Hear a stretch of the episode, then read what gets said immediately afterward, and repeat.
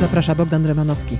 A gościem Radia Z jest przewodniczący NSZZ Solidarność Piotr Duda. Witam serdecznie. Dzień dobry. Dzień dobry panu, dzień dobry państwu. Mamy drożyznę, mamy inflację, mamy gigantyczne podwyżki cen energii. I co w tej sytuacji robi Solidarność? Śpi?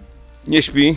Rozmawiamy z rządem o tych ważnych problemach. Przyjęliśmy na ostatniej Komisji Krajowej trzy postulaty, takie najważniejsze na, ten, na te trudne czasy, czyli tak mówimy po swojemu trzy razy P, czyli powstrzymanie cen energii, podwyżki w sferze finansów publicznych, a także dla nas niezapomniane, ale widocznie dla prezesa PiSu tak, emerytury stażowe. Rozmawialiśmy na Komisji Krajowej w Zakopanem, przyjechało pięciu ministrów, w tym pani minister Moskwa, która odpowiada za te rzeczy dotyczące związane z energią.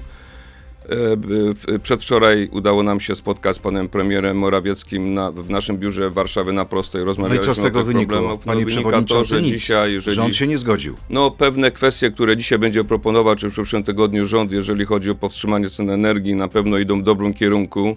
Jeżeli chodzi o tak zwany obligo giełdowy zakupu energii, to też jest zasługa Solidarności, ale to jest niewystarczające, bo my uważamy, że powinno być mniej dopłat, a zasada powinna być taka, że powstrzymania jest cena energii. Co jeśli rząd nie spełni waszych postulatów? No dzisiaj o godzinie 9 jest naj, nadzwyczajne posiedzenie Komisji Krajowej i będziemy decydować o dalszych naszych działaniach, ale na pewno będą to działania, oczywiście to jest decyzja Komisji Krajowej, takie, aby e, rząd usiadł i zaczął faktycznie rozmawiać z Solidarnością nie tylko w sposób taki mówiąc naj, najdelikatniej, przekazując nam, co ma zamiar zrobić, tylko wsłuchiwał się postulaty Solidarności. Jeśli nie będzie tego wsłuchiwania się w wasze postulaty, czy będzie strajk, będzie manifestacja, będą protesty? O tym będzie decydowała Komisja Krajowa, ale dlatego robimy nadzwyczajne posiedzenie, bo ja osobiście i szefowie regionów i sekretariatów, mówiąc najdelikatniej, nie jesteśmy zadowoleni z negocjacji z rządem. Nie jesteście zadowoleni, ale nie wychodzicie na ulicę. Dzisiaj wychodzą samorządowcy, wychodzą policjanci, wychodzą nauczyciele.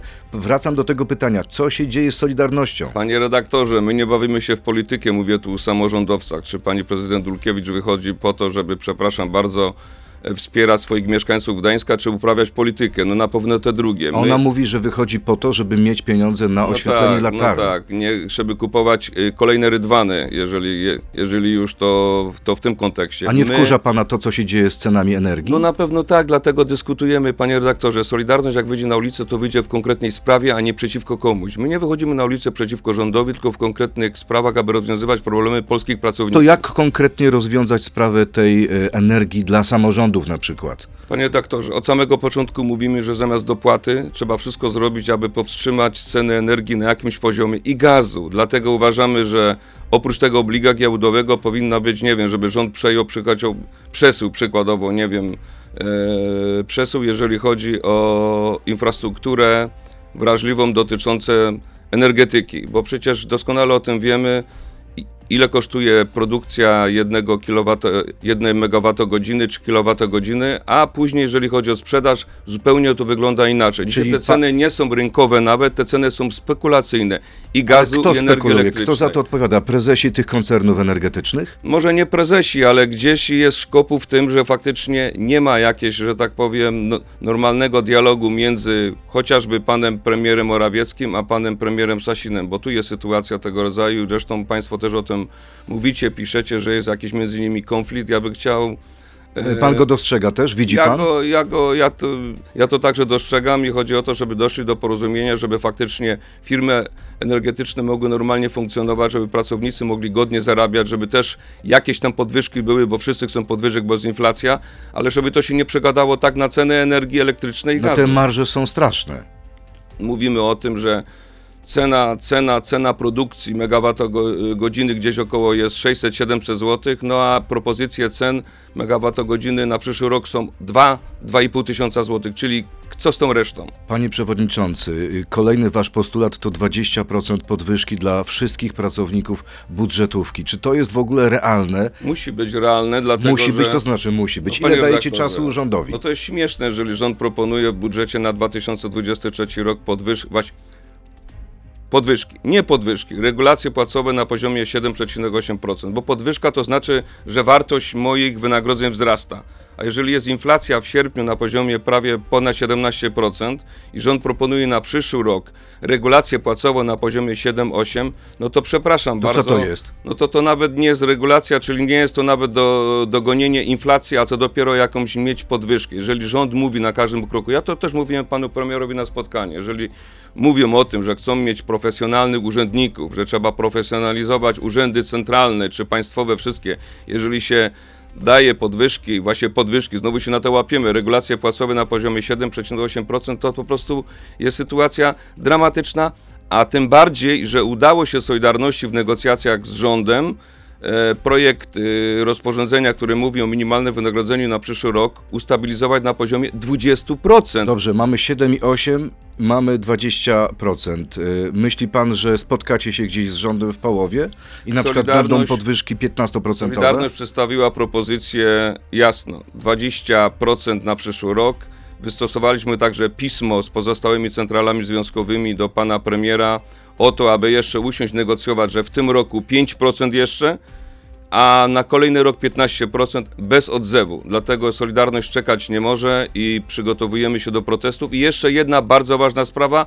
Rząd miał także odmrozić wskaźnik odpisu Zakładowego Funduszu Świadczeń Socjalnych, aby on już był na bieżąco, czyli w 2023 roku, z półrocza 2022 roku. Niestety w projekcie budżetu jest zamrożenie tego wskaźnika na rok, y, z roku 2019, a tym bardziej, panie redaktorze, to jest kompletnie niezrozumiałe, dlatego przecież, że tyle programów społecznych, które rząd realizuje, a fundusz socjalny co to jest? No dobrze, ale dlaczego tak się dzieje? Jaki jest powód tego? Trudno mi powiedzieć. Pan premier nam na spotkaniu tego nie mógł wytłumaczyć. Mówił, że sytuacja jest ciężka, że każdy musi A zaciskać może pasa jest i ciężko? tak dalej. Może my tak naprawdę nie wiemy, jaka jest Ja sytuacja to, budżetu. doskonale, ja to doskonale rozumiem, ale też trzeba rozumieć pracowników, którzy idą do zakładu pracy, ciężko, ciężko pracują po to, żeby przynajmniej utrzymać swoją rodzinę. Nikt nie mówi tutaj o odkładaniu z wypłaty, bo już nie masz czego.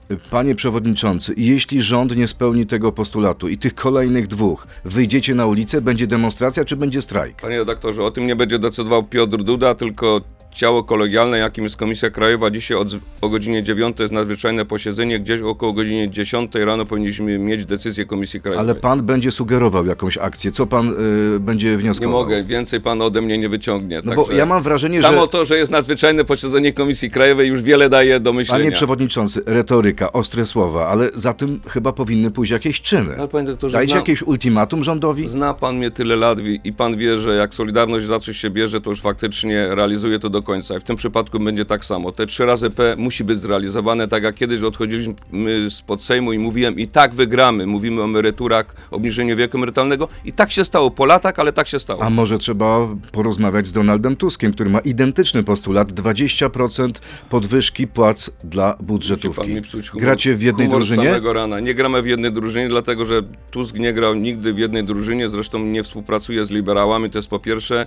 Pan Tusk mógł Donald Tusk jest liberałem No dzisiaj? zdecydowanym, no tak. On tylko... Z takim postulatem? No tak, zakrywa się Postulatem za stroną, związkowców? za, e, zakrywa się za stroną społeczną, a gdy był premierem, mroził wynagrodzenia, że tak powiem, jak PiS doszedł do władzy w 2015 roku, to wskaźnik, wskaźnik wynagrodzeń w sferze budżetowej był z roku 2010. Fundusz socjalny był namrożony, też był mrożony na poziomie 2010 roku, także niech pan Tusk popatrzy w dokumenty i się ogarnie. E, Panie przewodniczący, żelazny punkt naszej rozmowy porannej, czyli krótka piłka. Zasady przypomnę, pięć krótkich pytań, na które można odpowiedzieć tylko tak albo nie. Każda inna odpowiedź nie wchodzi w grę. Pomidor nie? E, Nie, nie, nie, nie. Czy dla Piotra Dudy, pierwsze pytanie, ważne są dudki? Tak czy nie? Nie. Wow, powiedział to człowiek, który ma pochodzenie góra, góralskie. Czy wystartuje pan w 2025 roku w wyborach na prezydenta, tak czy nie? Nie. Czyli dynastia, Dudu, dynastia Dudów nam nie grozi. Czy tych, którzy łamią zakaz handlu w niedzielę, należy wsadzać do więzienia, tak czy nie? Tak. Tak. Tak. Większość polskich przedsiębiorców to krwiopijcy wyzyskujący pracowników, tak czy nie? Nie. No i ostatnie pytanie. Lech Wałęsa to ikona polskiej wolności, dlatego należy mu się zawsze chwała i cześć, tak czy nie? Tu powiem pomidor. A co powie w części internetowej Piotr Duda na temat Lecha Wałęsy? Zapraszam Państwa na Facebooka, Radio Z.pl i oczywiście YouTube'a. To jest gość Radia Z.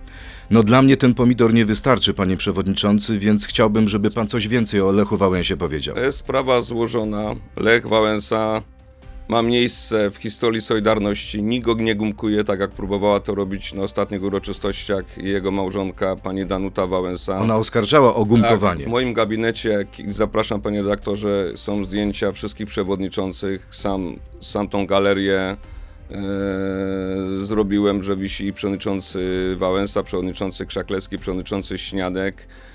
No przykro mi jest, bo przecież byłem kiedyś w komitecie honorowym i nie tylko honorowym, ale organizacyjnym wyborów prezydenckich i w 90 i w 95 roku, tym bardziej mi jest przykro, że słyszę niejednokrotnie ze słów pana Lecha Wałęsy słowa typu będziemy, będziemy was tutaj pałować, a tym bardziej, że... Ale to było dawno, panie że Gdy przewodniczący. zostałem przewodniczącym Solidarności, pierwsze moje kroki skierowałem właśnie do Lecha Wałęsy. Myślałem, że będzie dobra współpraca, niestety okazało się inaczej, a już porównywanie mnie do Zomowca i mówienie, że służyłem w Zomo, no to jest sytuacja skrajna.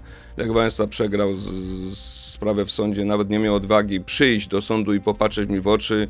Robił to przez swojego pełnomocnika. Ale sąd nie nakazał mu przeprosin. No jednoznacznie, bo to było na Facebooku, czyli powiedział, że nie ma się prawa wypowiadać na mój temat, ma tu sankcje, jeżeli, jeżeli cokolwiek w dalszym ciągu się będzie wypowiadał negatywnie na mój temat, no to zostanie to, że tak A jest powiem, możliwe pojednanie byłego pierwszego lidera Solidarności z obecnym liderem Solidarności, jeśli przyjdzie do pana i powie, panie Piotrze, Piotrze, pojednajmy się, tu jest butelka, wypijmy razem za pokój. Zostawmy tą butelkę. Ja jestem człowiekiem dialogu i rozmów i mi po prostu tak po ludzku było przykro, naprawdę, niezależnie od tego, czy Lech Wałęsa zmienił poglądy, czy nie, ale stawianie niejednokrotnie mnie w sytuacji takiej, porównywanie mnie do morderców, górników z wujka, po prostu są rzeczy, których po prostu nie powinno się przekraczać. A było panu przykro, kiedy Danuta Wałęsowa 31 sierpnia powiedziała tak, obecna Solidarność to złodzieje, którzy ukradli nam naszą Solidarność. Panie doktorze, bardzo przykro, tym bardziej, że Solidarność nikomu nic nie ukradła. Kto chciał, to w Solidarności jest do dnia dzisiejszego. Ci, którzy odeszli z Solidarności, zrobili kariery biznesowe i polityczne.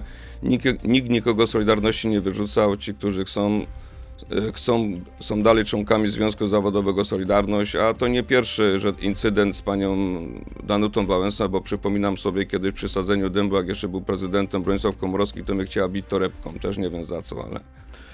Yy, No to pytanie w tym duchu ze strony naszego słuchacza, yy, pseudonim Mruwa 100. Czy skrót NSZZ zamienił się na ZSZZ, czyli Zależny Samorządy Związek Zawodowy?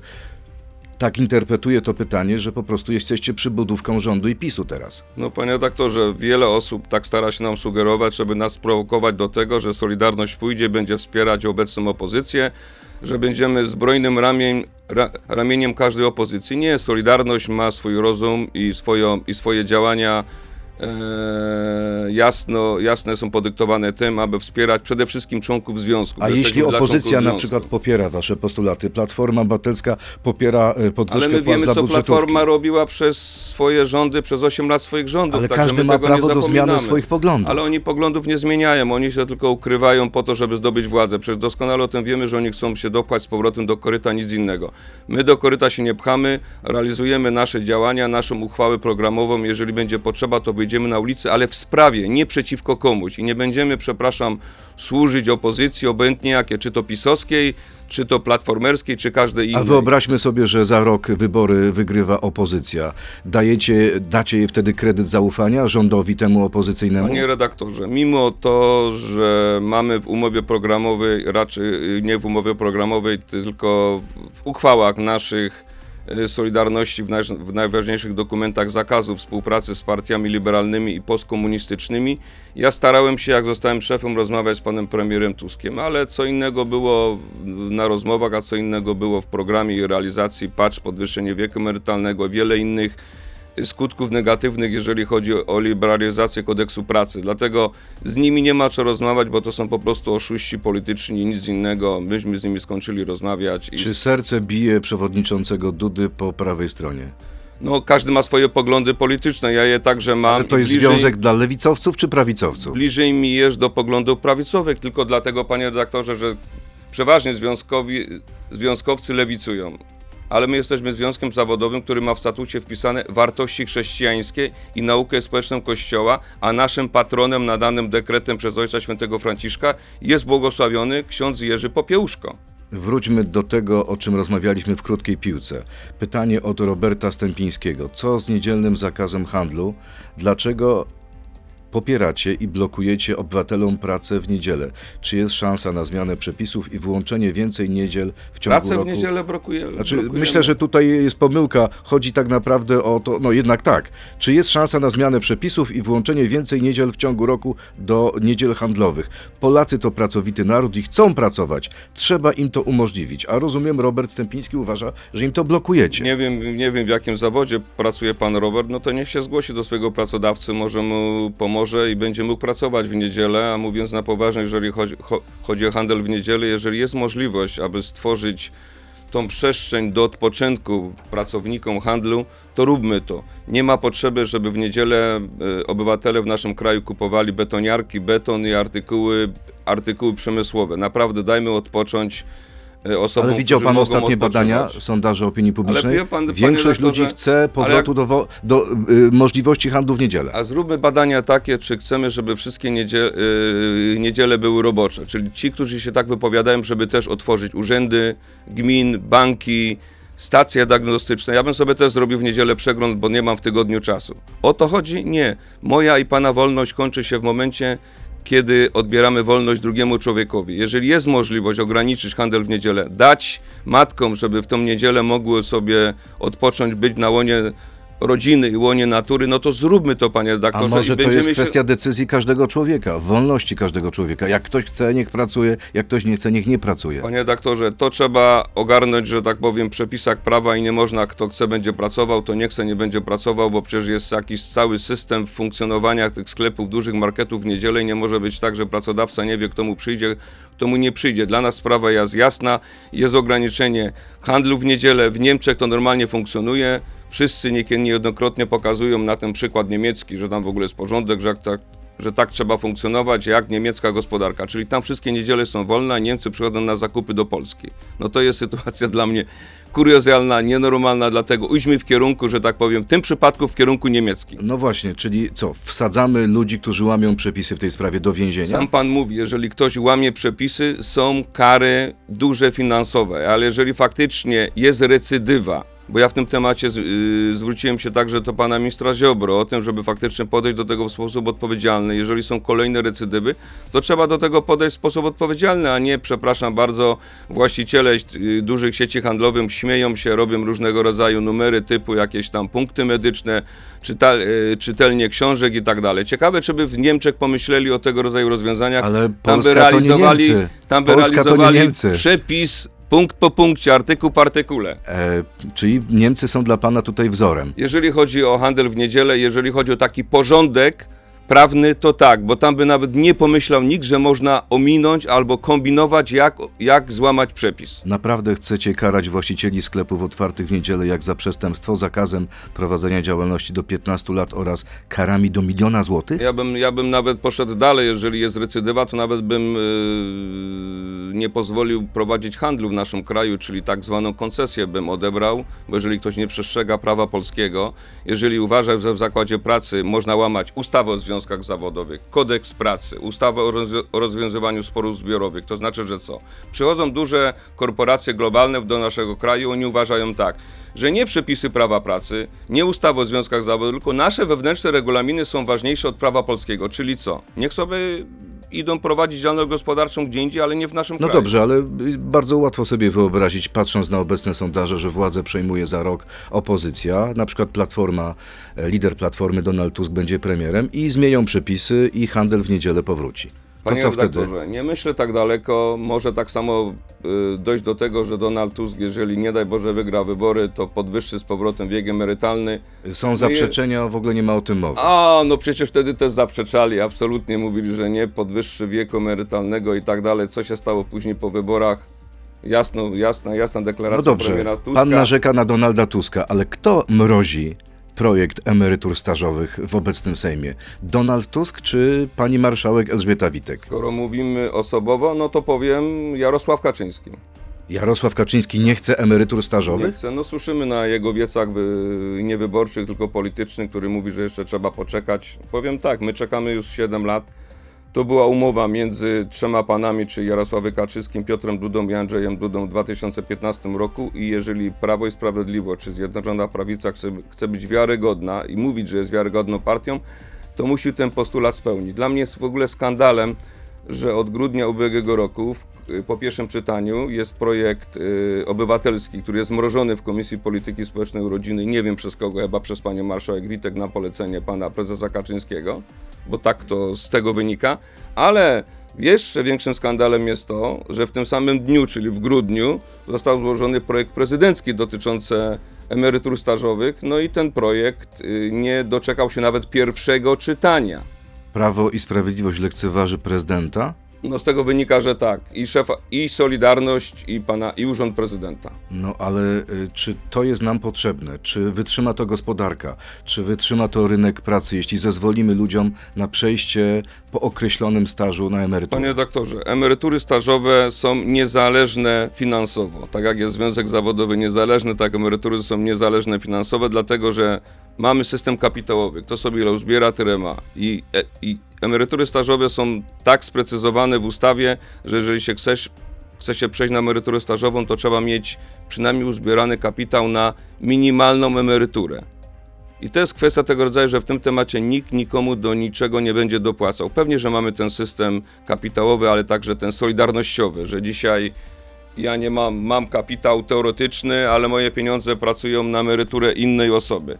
Ale jeżeli chodzi o same wyliczenia, to emerytury stażowe po prostu się bilansują. I chodzi o to, żeby dać odpocząć ludziom, którzy przez wszystkie lata pracowali, pilnowali odprowadzania swoich składek na Fundusz Ubezpieczeń Społecznych, żeby mogli wreszcie sobie odpocząć i podjąć decyzję, bo nie mogą dalej pracować. Jasne, To nie jest przymus. ale wie pan jaka jest sytuacja demograficzna? Wie pan, że, że jest y, problem, jeśli chodzi o zatrudnienie. Niektórzy narzekają na to, że nie mają pracowników. Czy jeśli damy taką furtkę ludziom, będzie miał kto pracować? Panie redaktorze, z niewolnika nie zrobi się y, Jeżeli ktoś już jest zmęczony ciężką pracą fizyczną, a przeważnie to dotyczy osób, które rozpoczęli pracę koniec lat 80, y, 70. czy 80. lata, to oni będą szukać innych rozwiązań. Wyobrażał pan sobie sytuację, że jest tak, likwidacja jakiegoś zakładu pracy. Pracownik przechodzi na świadczenie przedemerytalne, dostaje tam 1000 zł i tak dalej, to nie zawsze, bo, muszą, bo musi się nałożyć wiele elementów na to, strukturalne bezrobocie w powiecie i tak dalej, i tak dalej. Dostaje 1000 parę złotych, a ma już 62 lata. Musi przez te 3 lata do osiągnięcia pełnego wieku emerytalnego dostaje tam te 1000 zł z, z, z hakiem. A patrzy, codziennie sobie wchodzi na ZUS, patrzy na swoje konto indywidualne i ma, i ma uzbierane na emeryturę przykładowo 3000 zł. I co? I on tylko widzi teoretycznie, ma tą, że tak powiem, kiełbasę na kiju, a nie może z niej skorzystać tylko dlatego, że musi być na świadczeniu przedemerytalnym, a mógłby przejść na emeryturę stażową. No i co to jest? Widzi mi się prezesa Kaczyńskiego, który No, blokuje? Pan prezes gdzieś tam na przedostatnim spotkaniu swoim politycznym powiedział, że emerytury stażowe to jest tak, że chcą sobie te osoby dorabiać, czyli mieć drugie wynagrodzenie. To w ogóle skandaliczna wypowiedź, dlatego że dzisiaj każdy emeryt może dorobić do, do odpowiedniej kwoty, tam 4400 chyba złotych i tak samo i, ci, którzy mają emerytury górnicze też mogą sobie dorabiać, także kompletnie nie rozumie pana prezesa, co miał na myśli mówiąc, że ci, którzy przyjdą na emerytury stażowe będą sobie dorabiać. No jak każdy emeryt, bo Prezes emerytury Kaczyński są nie zdecydowanie rozumie, niskie. nie rozumie gospodarki, nie rozumie systemu emerytalnego? Trudno, Z trud- czego to wynika? trud- no bo w końcu podpisał to porozumienie w Wie 2015. pan, wie pan, podobna sytuacja była, jeżeli chodzi o handel w niedzielę. Też to dosyć długo trwało. Też, że tak powiem, zrzucano odpowiedzialność na premiera Morawieckiego, że to on jest hamulcowym i blokuje projekt ustawy o handlu w niedzielę. Później gdy, się zrobi, później, gdy zrobiliśmy konfrontację, się okazało, że pan premier Morawiecki nie ma nic przeciwko i doszliśmy do porozumienia, zrobiliśmy to tak zwane kaskadowo, czyli jedna, jedna niedziela, dwie, trzy, cztery. Można, można, ale trzeba rozmawiać, dlatego chcemy, aby odmrożono ten projekt w Sejmie, żebyśmy w komisji spierali się na argumenty. Myśli pan, że tutaj będzie też jakieś ultimatum, że jeśli tego PiS nie zrobi, to wyjdziecie na ulicę, czy No, nie? jest, jest, jest to w naszym postulacie, postulatach 3 razy P. To może lepiej rozmawiać z prezesem Kaczyńskim niż z premierem Morawieckim. Zobaczymy. E, Kolejne pytanie, Kubila Y. Jaki był sens wydawania przez lata przez Polaków tylu dziesiątków miliardów złotych na polskie górnictwo, skoro na końcu i tak nie mamy węgla, gdy go jako naród potrzebujemy? Panie redaktorze, to jest temat bardzo, bardzo złożony. My jako Związkowcy Solidarności już w 2007 roku mówiliśmy o tak zwanej religii klimatycznej. Mówiliśmy, że to jest wielkie zagrożenie dla polskiej gospodarki, bo wiedzieliśmy jedno, że pakiet klimatyczny, który był proponowany przez y, Komisję Europejską w pewnym momencie nie ma nic wspólnego z ekologią, to jest tylko biznes i polityka. Chodziło o osłabienie polskiej gospodarki, która faktycznie stawała, wstawała z kolan, która pokazywała, że może więcej eksportować niż Unia Europejska do nas importować, bo nie łudźmy się, przyjęli nas do Unii Europejskiej nie dlatego, że nas tak bardzo kochają, tylko chcieli mieć swoje rynki zbytu. Ale my też skorzystaliśmy na Tak, tym. ale bardzo myśmy, mocno. ale myśmy właśnie się mocno odbili, dlatego aby osłabić polską gospodarkę, trzeba było wprowadzać tego rodzaju No rozwiązania dobrze, jak jesteście w porozumieniu programowym z Prawem i Sprawiedliwością. Prawo i Sprawiedliwość rządzi już ile lat? No, No, dzie- y, 4 plus 3, tak? tak jest, 7, 7 lat. Czy Prawo i Sprawiedliwość zrobiło wszystko, żeby zablokować ten niebezpieczny proceder, proces? Mówiąc najdelikatniej nie. A bo dlaczego? Premier Morawiecki z kolejnych szczytów Unii Europejskiej przyjeżdżał, nie mówił chyba do końca naprawdę, bo przecież miało być z początku wersja, do, jeżeli chodzi o wygaszanie polskiego górnictwa, miała być to kwestia dotycząca tak zwanego porozumienia paryskiego, czyli mieliśmy czas do końca tego wieku i się okazało, że kolejne szczyty europejskie to już był 2040, 2030. No i sytuacja doszła do tego, że rozpoczęły się rozmowy na Śląsku dotyczące wygaszania kopalń, czyli jakby tutaj zamykania kopalń. Myśmy byli od samego początku, że kopalnie powinny być zamykane i wygaszane w momencie, kiedy kończą się złoża. Tak to powinno wyglądać. A dzisiaj są zasypywane szyby, gdzie jest kilkaset milionów ton. Dobrze, dobrze, że nie stało się tak do końca. Przypominam sobie tą złą, złą politykę także za czasów akcji wyborczej Solidarność, gdzie, gdzie tak samo były... wie pan, jak skończyła akcja wyborcza No Solidarność? wiem, dlatego PiS jak skończy niekiedy, podobnie? dlatego jak słyszę niekiedy y, wypowiedzi osoby, która wtedy była głównym, że jakby tutaj dyrygentem, jeżeli chodzi o zakopa- y, zamykanie kopalń, czyli pana ministra Steinhoffa, także, także też to tak wyglądało, że za, zabetonowano szyby, a za parę lat z drugiej strony Czesi pukali, czy mogą sobie od swojej strony podbierać węgiel, bo jest dobrej, dobrej jakości i jest go dużo. Tego Czyli PiS w tej sprawie zawiódł.